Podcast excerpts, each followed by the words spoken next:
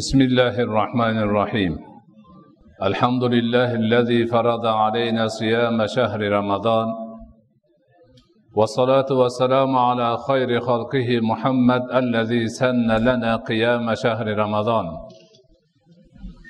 رمضان آية روزاسını tutmakını bizlerge farz kılgan Allah حمد hamd على البوسن رمضان آیه کچلرنی بیدار اتقازمقنی بزدرگ سنت کرگن محبوب پیغمبرمز محمد مصطفى صلى الله عليه وسلم گه صلوات و درودلر بولسن. اللهم لا سهل الا ما جعلته سهلا وان شئت جعلت الحزن سهلا بقدرتك يا ارحم الراحمين. السلام عليكم ورحمة الله وبركاته عزيزلر sizler bilan مبارك رمضان ayının avvalidan qator masjidlarda o'tkazib kelayotgan suhbatlarimizni kelgan joyidan davom ettiramiz. Kecha boshqa bir masjidda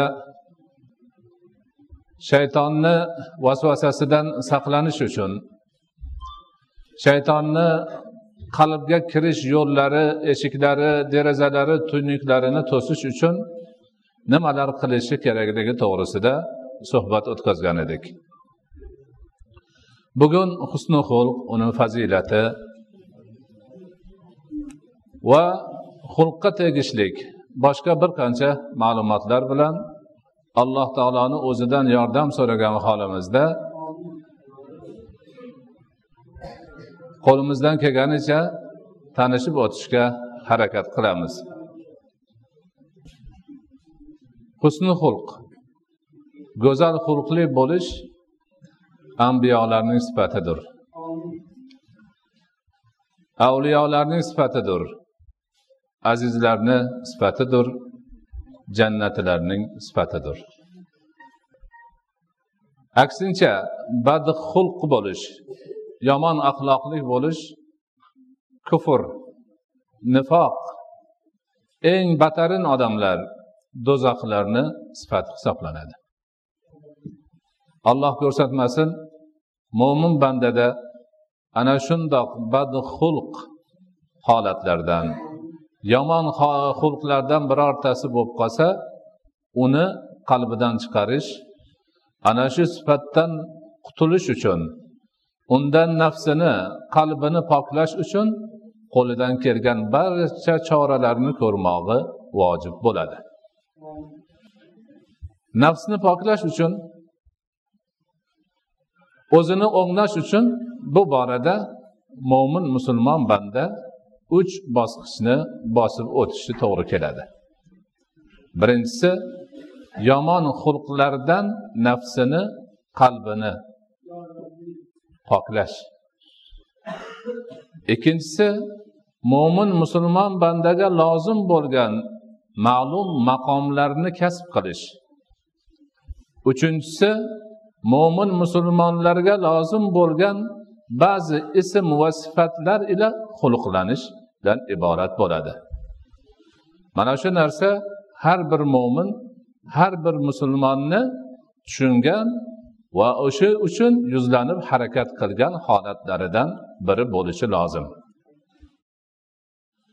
Zotan alloh subhanahu va taolo inson bolasini inson zotini jism va ruhdan yaratgan.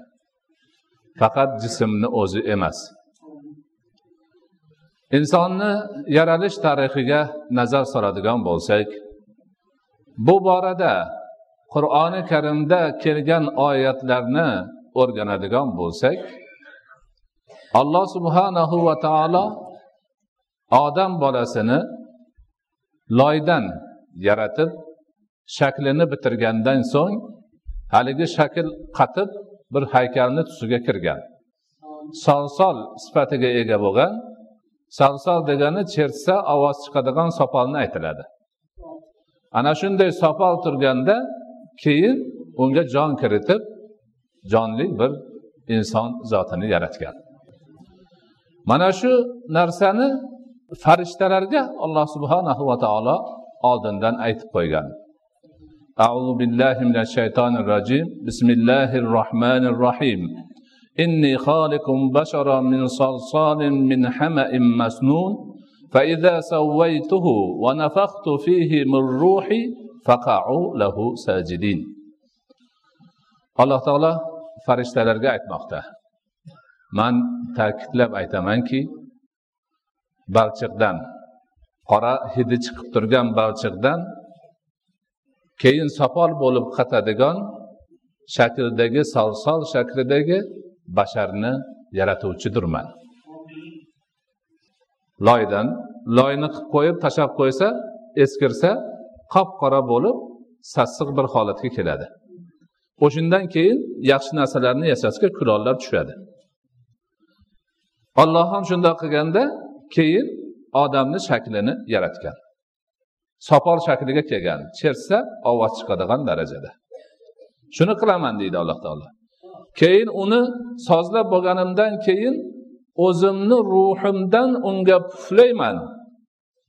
Ana shunda sizlar hammanglar unga sajdaga yiqiringlar deydi. Ya'ni farishtalarni odamga sajda qildirgan narsa allohning amri u quruq jasad emas ruh ekan. Ruhni man nafh qilganimda ana sizlar sajdaga yiqilinglar unga sajda qilinglar deyapti alloh taolo. Demak insonni mohiyati insonni inson qilgan unga qadr qimmat bergan ollohning ruhidan bo'lgan joni ekan nafsi ekan. Farishtalarni unga sajda qilishiga sabab bo'lgan narsa ham xuddi shu nafs ruhdan iborat ekan. Insonni mohiyati insonni insonligi uni boshqa narsalardan ulug' bo'lishi hamma hammasi aynan shu jonga nafsga bog'liq bir holat ekan. Ana endi jism modda va ruhdan tashkil topgan insonni jismini alohida ruhini alohida ismi bor. Insonni sirtqi ko'rinishini arab tilida xalq deydi. Falonchini xalqi go'zal desa tashqi ko'rinishi go'zal degani. Insonni ichki ko'rinishini ichki dunyosini qalbi ruhini xulq deydi. Falonchini xulqi go'zal desa ichki dunyosi go'zal odob axloqi yaxshi degan ma'no kelib chiqadi. Ko'proq insonni mohiyati to'g'risida gapirganda xalq bilan xulq ikkovi qo'shib gapiriladi. Falonchini xalqi ham go'zal xulqi ham go'zal. Ya'ni uni tashqi ko'rinishi ham va ichki dunyosi ham go'zal chiroyli degani. Xulq o'zi nima desa axloq ilmini ulamolari xulqni ta'rifida aytadilarki xulq insondagi mustahkam barqaror hay'at bo'lib undan insonni qiladigan amallari osonlik ila hech qiynalmasdan sodir bo'ladi. Ana manga bir ish qilish kerak bo'lib qoldi. Uni o'ylab qandoq qilsamikin bundoq qilsam to'g'ri bo'larmikin desam u xulqimdan emas tadbir ko'rishimdan ekan. Bir narsa bo'ldi unga javobni darhol beradigan bo'lsa demak bu xulq ekan. Ko'chada ketyapti gaplashib bir bechora odam muhtoj odam turibdi. Shuni ko'rishi bilan gapini yig'ishtirib boshqasini qissaga qo'lini solib pulni uzatsa demak bunda saxiylik xulqi bor. Turib o'ylanib bersammikin bermasammikin ke endi ketaveray desa demak unda saxiylik yo'q. Ana xulq mana shunday insonni o'ziga qo'shib yaratilgan alloh taoloni tarafidan va bir mustahkam hay'atga ega bo'lib qolgan narsa. Birov kelib beodoblik qildi. Ajilmayib mayli og'ayni salomat bo'ling deb qo'ysa demak bu odam halim odam. Halim odam bu beodobni beodobligini kechirib yubordi indamadi. Darrov uni gapini eshitdiman undan battar baqirib qolsa demak bunda nima? Shoshqaloqlik sifati bor g'azabi tezlik sifati bor. Halimlik yo'q. Ana hamma narsa yaxshi sifat ham yomon sifat ham insonda doimiy bo'lib mustahkam o'rnashgan va uni amallarini o'ylamasdan o'z o'zidan tilqoiy tarzda chiqishini ta'minlaydigan bo'lsa bu insonni xulqi bo'lar ekan. Ana endi insonni tashqarida qilayotgan amallari go'zal bo'lsa xulqi go'zal ekan. Qilayotgan ishlari rasvoyi raddi balo bo'lsa unda uni xulqi yomon xulq deb baholanadi ekan. Mana shu xulq insonning axloqi xulqi go'zal yoki go'zal bo'lmasligi qayerdan? Savol shu. Ba'zi bir toifalar aytadiki bu narsa inson bilan qo'shilib tug'iladi. Inson tug'ilganda onasidan axloqi ham qo'shilib ichida bor tug'iladi. Uni mutlaqo o'zgartirib bo'lmaydi shu bo'yicha turadi deydi. Musulmon ulamolar aytadiki bu dangasa tambal o'zini ustida ishlashdan bosh tortgan qiyinchiliklarni yengib axloqini tuzatishni istamagan odamlarni gapi bu deydi. Agar insonni xulqini o'zgarishi mumkin bo'lmaydi deydigan bo'lsak nimaga biz vahshiy hayvonlarni ovlab kelib ularni har xil narsalarga o'rgatyapmiz. Sahroda yurgan vahshiy sherlarni olib kelib odam aytganiga o'rgatyapti. Yugur desa yuguradi olovni ichidan sakrab o't desa o'tadi. Avval uni hunari yo'q edi bunaqa. Uni qayta qayta mashq qildirib yurib shunga o'rgatdi. Qandaydir bir vahshiy hayvon o'zini axloqini o'zgartirib o'zida yo'q narsani kasb qilib shu bilan shug'ullanadiyu odam masalasi shug'ullanolmasmidi deydi musulmon ulamolar. Agar insonni axloqi o'zgarmaydi deydigan bo'lsak unda din yuborish qur'on tushirish va'z qilish nasihat qilishlarni bir pullik qadr qiymati qolmaydi. Chunki diniy ta'limotlarni barchasi qur'oniy ta'limotlarni barchasi hamma hamma rasuli akram alayhissalotu vassalomni sifatlari hadislari insoniyatni axloq odobini tuzatish uchun bo'lgan. Ana demak axloq odobni tuzatsa bo'ladi uni tuzatish kerak. Tuzatish uchun harakat qilish har bir mo'min musulmon odamning burchi lozim lobud demak vazifasi hisoblanadi. Shu bilan birga aytib qo'yish kerakki tuzatish deganda tuzatish deganda bor narsani yo'q qilib yuborish bo'lmaydi. Balki kuchsiz bo'lsa kuchaytirib haddidan oshib ketgan bo'lsa orqaga qaytarib mo'tadil bir holatni paydo qilish. Islomdagi axloq ta'limoti mana shundan iborat. Chunki shahvatlar ba'zi bir bandani havoyi nafsi istaklarini ham o'ziga yarasha foydasi bor. Ana shu narsalar bo'lmasa dunyo obod bo'lmaydi. Misol uchun ovqatlanish ishtahosi.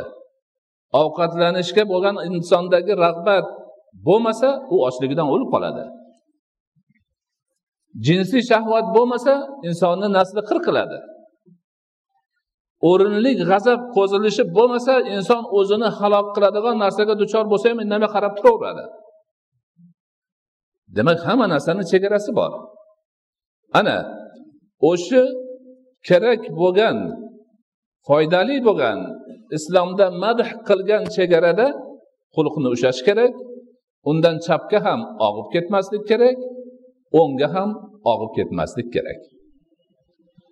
Alloh subhanahu va taolo qur'oni karimda kaziminal g'oyiz degan g'azabni yutuvchilar deb mo'minlarni maqtagan g'azabini yo'qotuvchilar demagan. Chunki g'azab vaqtida kerak bo'ladi. Noo'rin zulm uchun qilingan g'azab shariatda islomda qoralanadi buni yomon xulq deb ataladi va uni juda ko'p azob uqubatlari jazolari bor. Shuningdek umuman g'azabi chiqmaydigan boshidan bir narsani to'kib yuborsa ham qarab turaveradigan bir behol notavon bo'lib qolish ham musulmonga to'g'ri kelmaydi. O'rni kelganda g'azabini g'azabi chiqmagan odam eshakdan battardir deganlar imom shofiy demak o'rtacha g'azab o'rtacha g'azab. Kerak bo'lganda foyda beradigan izzat nafsini himoya qiladigan o'zini sharafini himoya qiladigan va dini diyonati vatani obro'sini saqlash uchun kerak bo'lganda chiqadigan g'azab bu maqtovli g'azab. Lekin birovga zulm o'tkazish uchun noo'rin nohaq g'azab qilish bu islomda harom gunohi kabiralardan hisoblanadi. Xuddi shuningdek boshqa sifatlarga qaraydigan bo'lsak ham shu. Misol uchun mana avvalda oziq ovqatni gapirib o'tdik. Ko'p yeyish yaxshi emas. Lekin ko'p yeyish yaxshi emas ekan deb butunlay yemay qo'yish ham chatoq. Ana ikkovini o'rtasida mo'tadil bo'lishi kerak. Mo'tadil bo'lishi kerak. Shariatda ko'rsatilganidek e'tidol bilan ovqatlanib o'ziga quvvat ibodatiga tiranch bo'lishini ta'minlashi kerak. Dunyoda yurib ishlash boshqa ishlarni qilishga yetarlicha ovqat yeyish kerak lekin o'ziga zarar keltiradigan darajada ko'p yemaslik kerak. Shuning uchun alloh taolo qur'oni karimda kulu vashrabu vala tusrifu degan. Yenglar ichinglar lekin isrof qilmanglar. Keragidan ortiq yemanglar keragidan ortiq ichmanglar. Chunki bu halol bo'lsa ham o'zingizga zarar qiladi. Ortiqchaligi ana haddan oshmaslik kerak ekan. Haddan oshmasdan mo'tadil axloqni tutish mo'min musulmonlarda maqtalgan kamchilikka yo'l qo'yish xato haddidan oshib ketish ham xato hisoblanadi. Shuningdek saxiylik ma'nosida ham shu. Saxiylik ma'nosida ham shu. Saxiylik nima desa saxiylik o'ta mumsiklik bilan isrofgarchilikni orasidagi o'rtacha mo'tadil sifatdir va maqtovlidir. Mumsiklik ham islomda qoraladi qoralanadi. Isrofgarchilik ham islomda qoralanadi yomonlanadi gunoh hisoblanadi.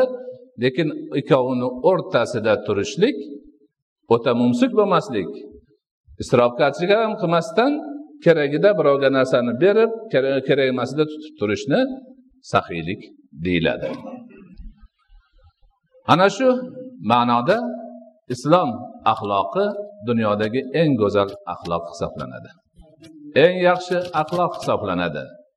Eng foydali axloq hisoblanadi. Mana shuni axloqni boshqa barcha sho'balariga ham tadbiq qilishimiz mumkin. Xohlaganicha aytaverishimiz bo'ladi. Misol uchun shijoat nima?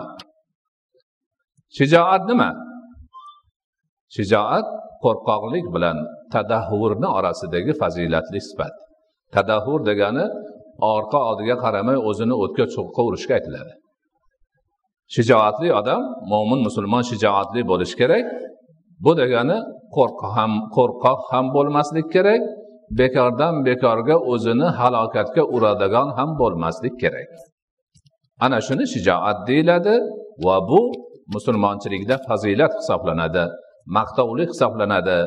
Ana shunday kishilarga ajrlar savoblar va'da qilinadi. Ana shu tarzda demak mo'tadil ravishda axloqni go'zallashtirib borish mo'min musulmonni vazifasi hisoblanadi. Mo'tadil axloqdan o'ngga yoki chapga ag'darilish nuqsonga yo'l qo'yish yoki haddidan oshish bu axloqiy dard kasal hisoblanadi. Xastalik bemorlik hisoblanadi. Uni davolashga ehtiyoj tushib qoladi. Mana shu haqiqatni bilish kerak. Inson avvalgi aytib o'tganimizdek jism va ruhdan iborat. Insonni jismi sog' bo'lsa demak unga hech qanaqa davoni keragi yo'q. Shuningdek insonni ruhi ham sog' bo'lsa davoni keragi yo'q chunki o'zi ruhi sog' holatda yuribdi.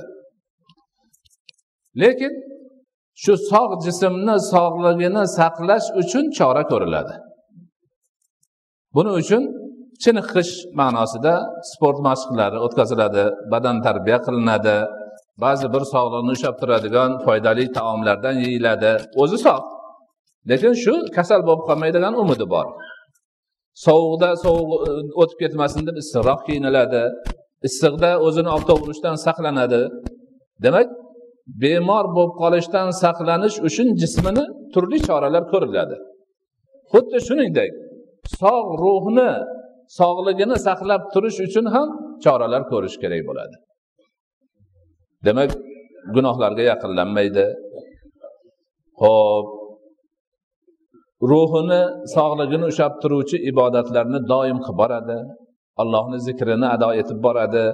Shu ma'noda ruhini sog'ligini saqlab yanada baquvvat qilish ma'nolarini ruhiy ma'noda ham ko'rish kerak.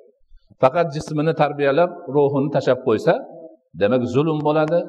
O'zini haqiqatiga mohiyatiga o'zini qadr qimmatiga demak markaz bo'lgan narsani ruhni nafsni unutgan bo'ladi. Bu juda katta demak e, falokatlarga olib keladi. Endi jism kasal bo'lib qoldi deylik. Jism kasal bo'lib qolsa uni davolashga o'tiladi. Agar jismga issiq ta'sir qilib issiqlik tufayli kasal bo'lgan bo'lsa unga sovuqlik dorilar beriladi. Ruh kasal bo'lsa ham shunaqa. Ruh bemor bo'lib qoldi. Axloqiy kasalga uchradi inson. Demak uni davolashga o'tish kerak. Davolash yuqorigi uslubda bo'ladi.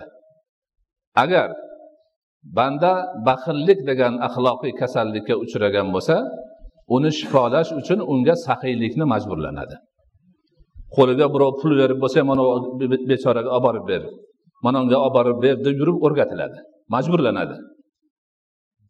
Bir berib ikki uch to'rt besh o'n bo'lgandan keyin keyin odatiga aylanib qoladida baxillik yo'qolib bunda saxiylik paydo bo'ladi. Saxiylik to'g'risida e, va'z qilinadi nasihat qilinadi hamma narsani demak olib boriladi. Ana shu shaklda buni davosi bo'ladi.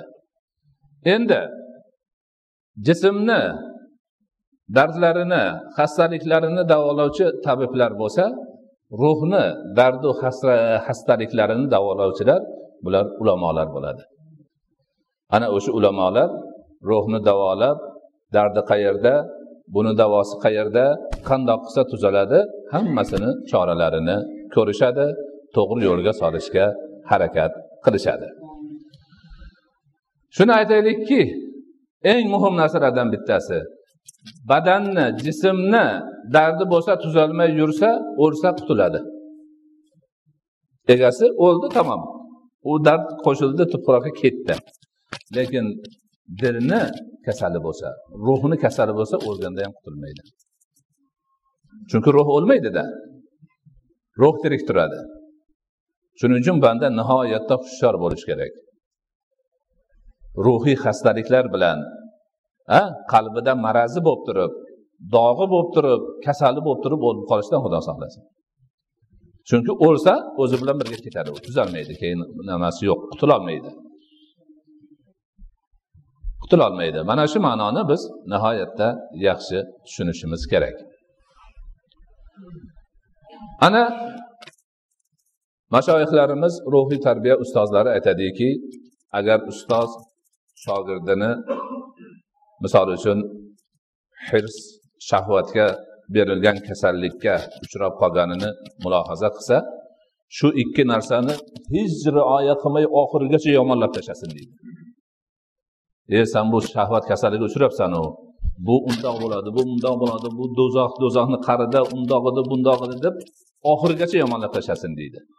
nima uchun desa bu insonni tabiati shunaqa bo'ladi mana shu yerda ulkan katta bir hikmat bor alloh subhanahu va taolo qur'oni karimda aytgan auzu billahi minash shaytonir rojim bismillahi rohmanir rohim زين للناس حب الشهوات من النساء والقناطير المقنطرة من الفضة من الذهب والفضة والخيل المسومة إلى آخره alloh taolo aytadiki odamlarga shahvatlarni yaxshi ko'rish ziynatlangan.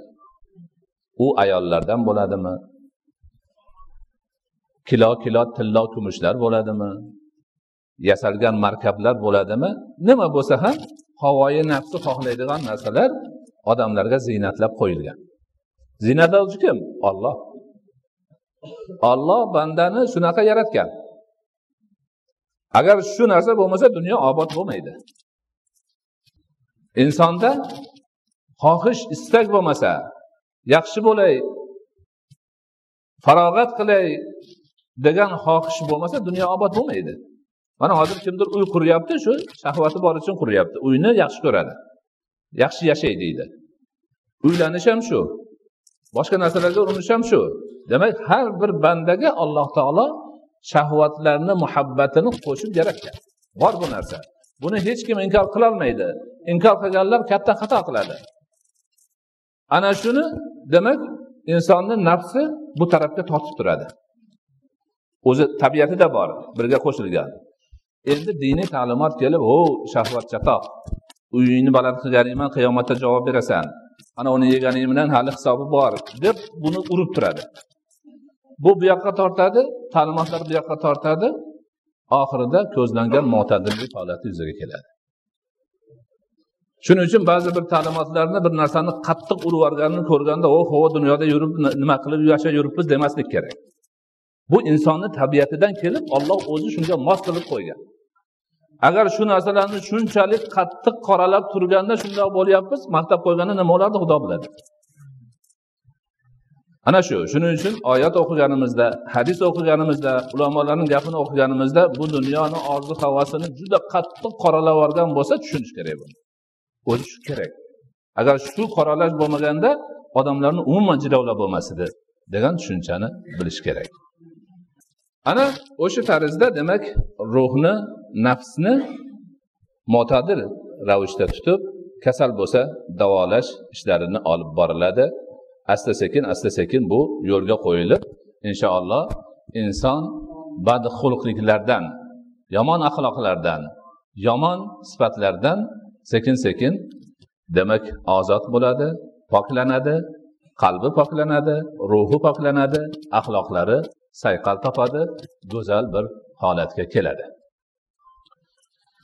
Endi ana shu ma'noda inson o'zini ayblarini o'zi bilib yuborishi juda katta va muhim o'rin tutadi. Har kim o'zini aybini bilmasa qanaqa qilib tabibga borib mani davolab qo'ying deydi. To'g'rimi? Jismimizda mana qo'l og'risa qo'lim og'riyapti deb borib qo'limizni ko'rsatamiz. Demak o'sha og'riganligi uchun kasal bo'lganligi uchun bemorlashgani uchun o'z vazifasini ado etolmay qoladi yoki nuqson bilan ado etadi. Juda og'rib turibdi. Oyoq ham shu boshqa taraflar ham shu. Ana endi shu kasalini bilib o'z vazifasini ado eta olmaganligini sezgandan keyin yoki ado etishga qiylanayotganini sezgandan keyin odam borib tabibga shikoyat qiladi. Man deydi kechasi uxlay olmayapman deydi. Yo'talib qoldim deydi. Boshqa deydi demak shikoyatini aytadi. Endi ruhni kasalini bilib bo'lmaydi. Ruhni kasalini inson o'zi sezmaydi. Yuribdida maza qilyapti. Shuning uchun demak insonni nafsi kasal bo'lganligini ruhi kasal bo'lganligini anglab olish uslublarini o'rganish kerak. Har bir odam ana shu narsani o'rganib joyida ishga solsa inshaalloh yuqorida aytgan yomon axloqlardan g'ayri islomiy sifatlardan umuman musulmonga to'g'ri kelmaydigan narsalardan qutulishiga demak oson bo'ladi. Bilmasa yuraveradi. Ana endi ruhiy tarbiya ulamolarimiz kishi o'z aybini qandoq biladi degan savolga ham javob berishadi. Qandoq biladi? Har bir insonni o'zini aybini bilib ya'niki ichki dunyosini aybini bilib o'sha nuqsondan qutulish mazkur dardni davolashi uchun demak yo'llardan eng qulaylaridan bittasi har bir mo'min musulmon shu dardlarni yaxshi biladigan ayblarni aniqlaydigan ularni shifosini ko'rsatib turadigan ustozga shogird tushishi kerak. Ustozlar biladi shu gapirmay oldiga kelib o'tirsa ham qarab turib bu bolani ichida bir dardi bor deydida aytadi bolam deydi bundoq bo'ldi bundoq bo'ldi deydi. Ana ustoz tutish eng oson eng qulay ahli solih ulug'lar azizlar avliyolar qo'llagan uslub shu. Munosib ustozni topsa ustozidan dars olib tursa ustozidan xabar olib tursa ustoz uni bemorligini aniqlaydi bolam falon narsa sanga ilashib qolibdi zikrni ko'proq qilgin deydi uni qilgin deydi buni qilgin deydi sekin sekin to'g'rilaydi. Ikkinchisi yaxshi ahli solih ibodatli taqvodor va g'ayratli musulmonlar bilan do'st bo'lish kerak. Ular kuyunchak do'st bo'ladilar olloh uchun nasihat qiladilar va o'zining do'stini yomon axloqli bo'lib yurishini o'zlariga ep ko'rmaydilar. Gunohga qolishiga mutlaqo rozi bo'lmaydilar. Shuning uchun haqiqiy musulmon o'zini birodarini kamchiliklarini aytib nasihat qilib sizda palonchi kamchilik bor birodar shuni tuzatib oling. Man ham bo'lganimda mundoq qilgan edim yoki palonchi domlaga borsangiz aytib beradi deb nasihat qilib turadi. Ha? Nasihat qilish ixlos bilan har bir mo'min musulmonni o'z birodarini oldidagi burchi vazifasi diniy demak majburiyati hisoblanadi. Buni ulug'larimiz qilishgan. Hazrati umar roziyallohu anhu doim tez tez aytib turardilar. Mani ayblarimni o'zimga hadya qilgan odamni olloh rahmat qilsin o'zini rahmatiga olsin xayrini bersin deb turardilar. Gapni qaranglar. Mani ayblarimni o'zimga hadya sovg'a qilgan odamga ollohning rahmi bo'lsin sharafi bo'lsin bunisi bo'lsin bunisi bo'lsin deb tezda davo qilib turadilar. Kimki kelib ayblarini aytsa xursand bo'lardi ya'ni aybimni manga sovg'a qildi. Shuni aytmasa man ayb bilan yuraverar edim buni manga qaytarib berdi endi man bundan xalos bo'laman bitta yomon sifat mandan ketadi deb xursand bo'lar ekan. Ana mo'min musulmon banda bir biriga aybini aytish bilan birga aybini aytilgan odam aybdor odam aytganga rahmat aytish kerak. Unga yordam beryapti. Bir darddan qutulishiga oxiratgacha ketadigan bir e, ifloslikdan qutulishga yordam beryapti. Xursand bo'lish kerak.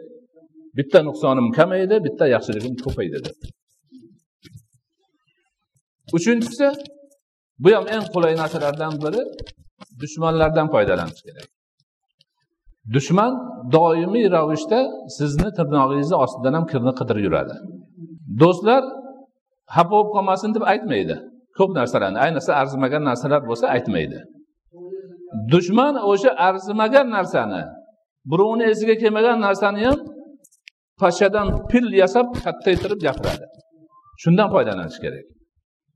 Dushman gapiryapti bu manga hasad qilib gapiryapti demaslik kerak. To'xta bu gapiryapti o'zimga bir qaraychi. Ha demak shu bor ekan man yo'qotay buni tilni tinsin man o'zimga yaxshi bo'lsin deyiladi. Mana axloq ilmini buyukligini qarang dushmandan ham o'zimizga foyda olishga yo'l ko'rsatyapti. Dushmandan ham o'zimizga foyda olishimizga yo'l ko'rsatyapti. To'rtinchisi boshqalar bilan aralashib yurib o'shalardagi yomon hislatlarni ko'rib o'zimda bormi deb o'rnaga olish. Misol uchun bir o'tirishda kimdir beodoblik qildi. Shuni oqsoqollar ilmlilar e bu odam beodob ekan mana bu ishni qildi dedimi? Bu eshitgan odam o'zini qilmaslikka urinishi kerak. Salom bermay o'tib ketdi. Ana u qanaqa beodob ekan? Otasi o'rgatmabdida salom bersa bo'lmasmidi kattalarga? desa bu yoqda turgan yoshlar e kattalarni oldidan o'tganda salom berishimiz kerak ekan. U xatoni man o'zim tuzatay man ham shunaqa qilar edim deb. Ko'pchilik bilan aralashib yurganda mo'min musulmonlarni ichida yomon sanalayotgan narsalarni bilib sekin sekin o'zi o'rnak olib o'zini tuzatib borishi kerak. Yuqorida islomiy axloqlar mo'tadillik asosida ekanligi bu mo'tadillik nihoyatda zarur ekanligini yaxshilab gapirdik. Ana shu mo'tadillikni aniqlash nihoyatda daqiq. Ulamolarimiz aytadiki bu narsani aniqlash qildan ingichka tig'dan o'tkir deyishadi. Shuning uchun ham har kuni nechi marta nechi rakat namoz o'qisak ehdina sirotal mustaqim deymiz. Mana shu mo'tadillikni so'rash. G'ayril mag'dubi alayhim g'azabga uchraganlarniki ham emas zalolatga kelganlarniki emas. G'azabga uchraganlar oshiqcha qilib yuborgan ollohni aytganidan. Zalolatga ketganlar yana boshqacha qilgan. Ana o'shanga bo'lmay siroti mustaqimda yurishni demak tadbirini ko'rish kerak. Axloqimiz odobimiz shaxsiy sifatlarimiz hammasi e'tidol asosida bo'lishi kerak. Endi ba'zi bir odamlar yaxshi tarbiya ko'rmagan bo'lsalar o'zini nuqsonini fazilat deb baholab qolishi ham bor ekan. Unda qaraydigan bo'lsangiz man xudoga shukur mana falon yoshga kiribman hali bir marta falon narsani qilganim yo'q deb halol narsani qilmaganini maqtanadi halol narsa shariat ruxsat bergan narsani qilmaganini maqtanadi. Misol uchun hech bir yaxshiroq ko'rpa solib yotganim yo'q. Yoki bir qornim to'yib maza qilib ovqat yeganim yo'q. Taqvodan bu deb yurishlari bor. O'zini o'zi imkoni bo'lib turib hamma tarafi joyiga tushib turib yana nima qiladi? O'zini mahrum qiladi. Bu e'tidoldan chiqish rasuli akram alayhissalotu vassalomni sunnatlariga xilof yo'lda yurish. Buni ayniqsa mana shunaqa narsalarni ishqibozlari azizlarimizga ulug'larimizga nisbat berib palonchi u qilgan ekan pistonchi bu qilgan ekan deb noshar'iy ishlarni maqtanishadi bir yerda bir marosimda manga savol berishyapti. Imomi abu hanifa qur'onni bir oyog'ida turib bir kechada xatm qilar ekanlar. Taqvoni qarang bir kechada xatm bo'lar ekan bir oyoqlarida turar ekanlar. Man aytdim nimaga qiylanib qiynayapsizlar u kishini bir oyoqlarida turg'izib qo'yib? Ikki oyoqlarida tursa bo'lmaydimi? Desam uxlab qolishdan qo'rqar ekanlar. Aytdim rasululloh qilmaganlar buni. Rasuli akram alayhissalotu vassalom man shuni xohlayman deb turib olgan sahobalarga uch kundan kamda xatm qilmaysan deganlar. Qanaqa qilib? Rasulullohni sunnatini tabiblari bo'lgan ulug' faqih mushtahid imom bu ishni qiladi sunnatga xilof. Nima uchun bir oyoqda turadilar? Bunaqani to'qimanglar axir. Agar abu hanifa rahmatullohi alayhi o'zlari eshitsa ham xafa bo'ladilar bundan. U kishiga shariatni bilmaganlik sunnatni bilmaganlik nisbati berilyapti. Lekin sirtidan taqvo bo'lib ko'rinyapti. Ana shu. Shunaqa haligi sovuq so'pilik taqvosidan ehtiyot bo'lish kerak. Rasululloh shirinlik narsalarni yeganlar o'zlari shunaqa uxlamayman deganlarni so'kkanlar ha? Allohga qasamki man sizlarni eng taqvoligingizman allohdan eng ko'p qo'rqadiganingizman ammo ro'za ham tutaman. Og'zim ochiq ham yuraman. Uxlayman ham bedor ham bo'laman va ayollarga uylanaman degan. Sahobalar shu ishlarni qilmaymiz degan. Mana shu tarafdan ham demak axloq masalasida tasarrufat masalasida biz ehtiyot bo'lishimiz kerak ekan. Ulamolarimiz mana shuni ta'kidlab aytadilar. Bunda aldanib qolish bor. Bu taqvo ekan degan aldov bor. Aslida taqvo emas balki uni teskarisi xilof sharia xilof sunna bir ish bo'ladi. Alloh subhanahu va taolo barchalarimizni xulqimizni go'zal bo'lishi doimiy ravishda o'zimizdagi nuqsonlarni yo'qotib yaxshi sifatlarimizni ko'paytirib borishimizni nasibi ro'zi qilgan bo'lsin. Doimiy ravishda rasuli akram alayhissalotu vassalomni sunnatlariga ergashib borishimizni o'zi oson qilgan bo'lsin.